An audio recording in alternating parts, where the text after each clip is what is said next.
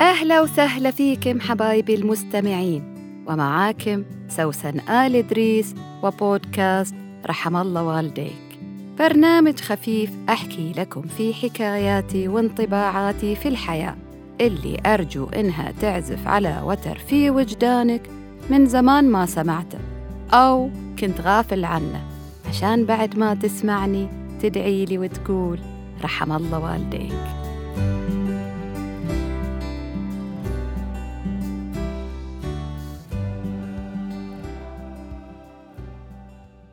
سيدتي الأنثى البنت المرأة الحرمة الأمة المدام الحجية الخالة.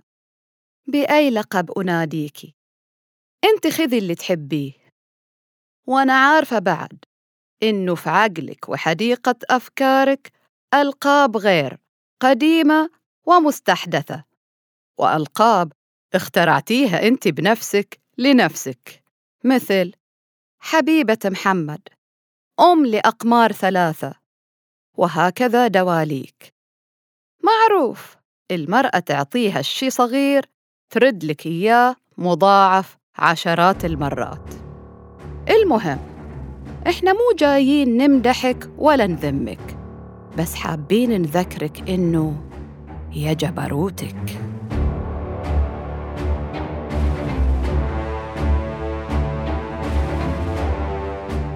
مهما كنت تعتقدي في نفسك الضعف أو القلة فأنت المتجبرة بضعفك. واللي خلاني أنتبه للموضوع ده لما كنت أسمع سورة التحريم. إنه نبينا عليه وعلى آله أفضل الصلوات والتسليم رب الجلالة يقول له لما تحرم ما أحل الله لك تبتغي مرضات أزواجك.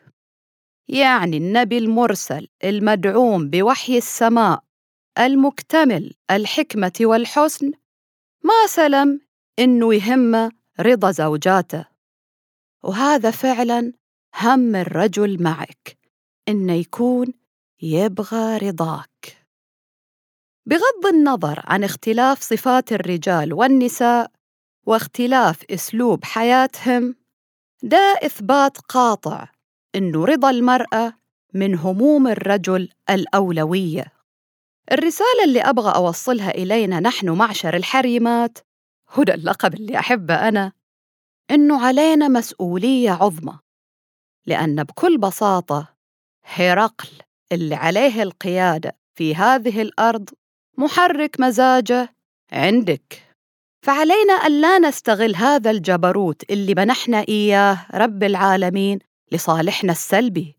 بالعكس لأن لك الأثر الكبير ولأنك البنية التحتية والداخلية لكل أسرة أقول لك كلمة مهمة.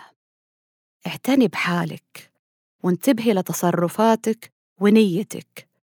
ترى مو دورك كبير دورك هو الأساس فخلينا قدها. الرسالة هنا مو عشان الحريم يقولوا إيش معنى إحنا يتوجه لنا الكلام؟ الرجال بعد عليه مسؤولية الزوجة والبيت وهو اللي يعدل ويعفس نفسيتها. صحيح كلامك والكلام في هالمواضيع ما ينتهي. بس اليوم الخطاب موجه لك أنت لأنك ببساطة بين قوسين المهمة. لأنك المحرك الأساسي لأي أسرة يا سبب بهجتها أو سبب توترها. الكل لما يدخل البيت أول من ينادي منو؟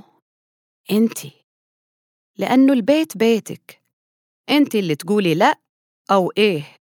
ما حد يقدر يتخطاكي إلا إذا أنت اخترتي ذلك. وفي دي الحالة برضو البيت بيتبهدل من غيرك. سواء كنتي سلبية أو إيجابية إكسترا.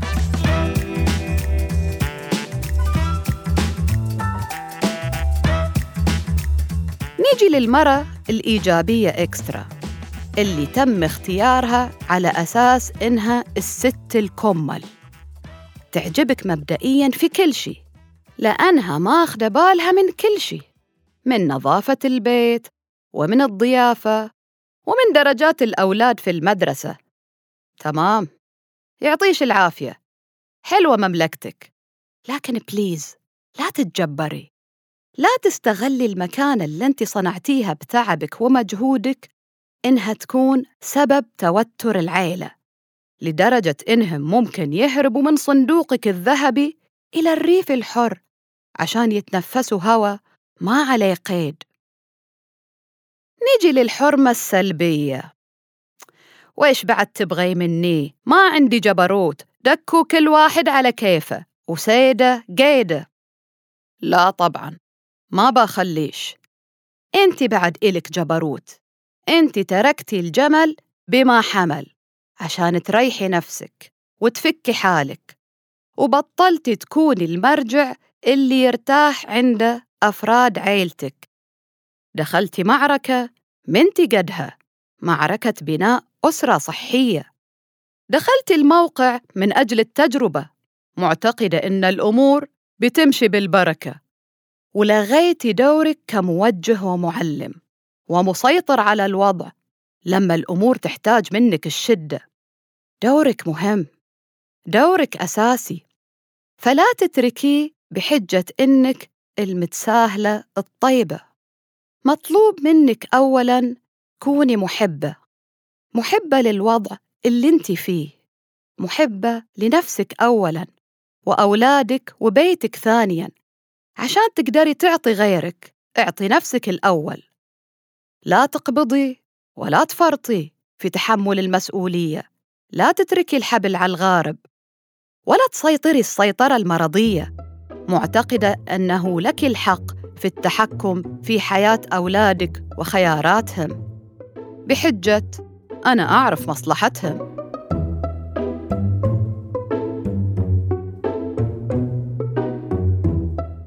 ونرجع للمرة الإكسترا إيجابية البرفكتية. ونحكي لكم واحدة من قصصهم وعجايبهم. اللي هم مفكرين إنهم ملمعين صورة العيلة وزايدين سعادتها. بينما هم يزيدوها توتر واحتمال كبير يقلبوا عاليها واطيها. مديحة الأم الحريصة. ربت بنتها سميحة على أنها تكون البنت الكمل مثل ماما. فكانوا الخطاب كلهم يجوا لسميحة. لعد ما أبوها وافق على واحد من الأخيار متبع منهجية. إذا جاءكم من ترضون دينه وخلقه فزوجوه. طبعا مع وجود الوظيفة المحترمة وباقي اللوازم الأساسية لتكوين حياة زوجية. مديحة. وافقت على مضض. لكن مديحة البيرفكتية ما تقدر تبلع الحامضة. صحيح هي مشت كلام زوجها ووافقت على رأي بنتها لكن كانت شايفة إنهم استعجلوا شوي وإنه كان مفروض ينتظروا بلكي جا المهندس والدكتور لبنتنا المصون فكانت تنتهز أي فرصة تنفس فيها عن هالموضوع. عشان تخلي البنت وأبوها يحسوا إنهم غلطانين وإنهم بخسوا في حق البنت. يمكن نقول إن ده كلام عادي ويحصل في كل بيت. إي صحيح يحصل. بس ما يحصل لأنه كلام عادي. يحصل من عدم القناعة والرضا بالنصيب والتقليل من حجم الآخرين والاعتقاد إن إحنا أفضل منهم. لا يا مديحة. انتبهي لكلامك. ربما الآن بنتك ما تدقق على كلامك لأنها بعدها مبسوطة مع زوجها لكن مع الأعاصير اللي تمر بأي حياة زوجية بنتك راح تتذكر كلامك وبتقول لزوجها أصلاً أنا استعجلت وحتى أمي ما كانت موافقة عليك. وفي ديك الساعة بيكون شرخ في نفسية زوجها. حتى لو عدى عمر ما بينسى. فهدوا بالكم يا جبروت ولا تحطوا في بالكم إن أولادكم هم تحقيق لأمنياتكم. كل واحد يحقق أمنياته بنفسه ويربي أولاده على أساس إنهم أحرار وليسوا ملك إله. والله يهديكم يا بنو جنسي. ونقول لكل زوجة وأم وبنت عرفت قيمتها وأثرها وسعت لتطوير نفسها عشان يكون لها أثر طيب على زوجها وأبيها وأخيها وأولادها. رحم الله والديك يا حنونة.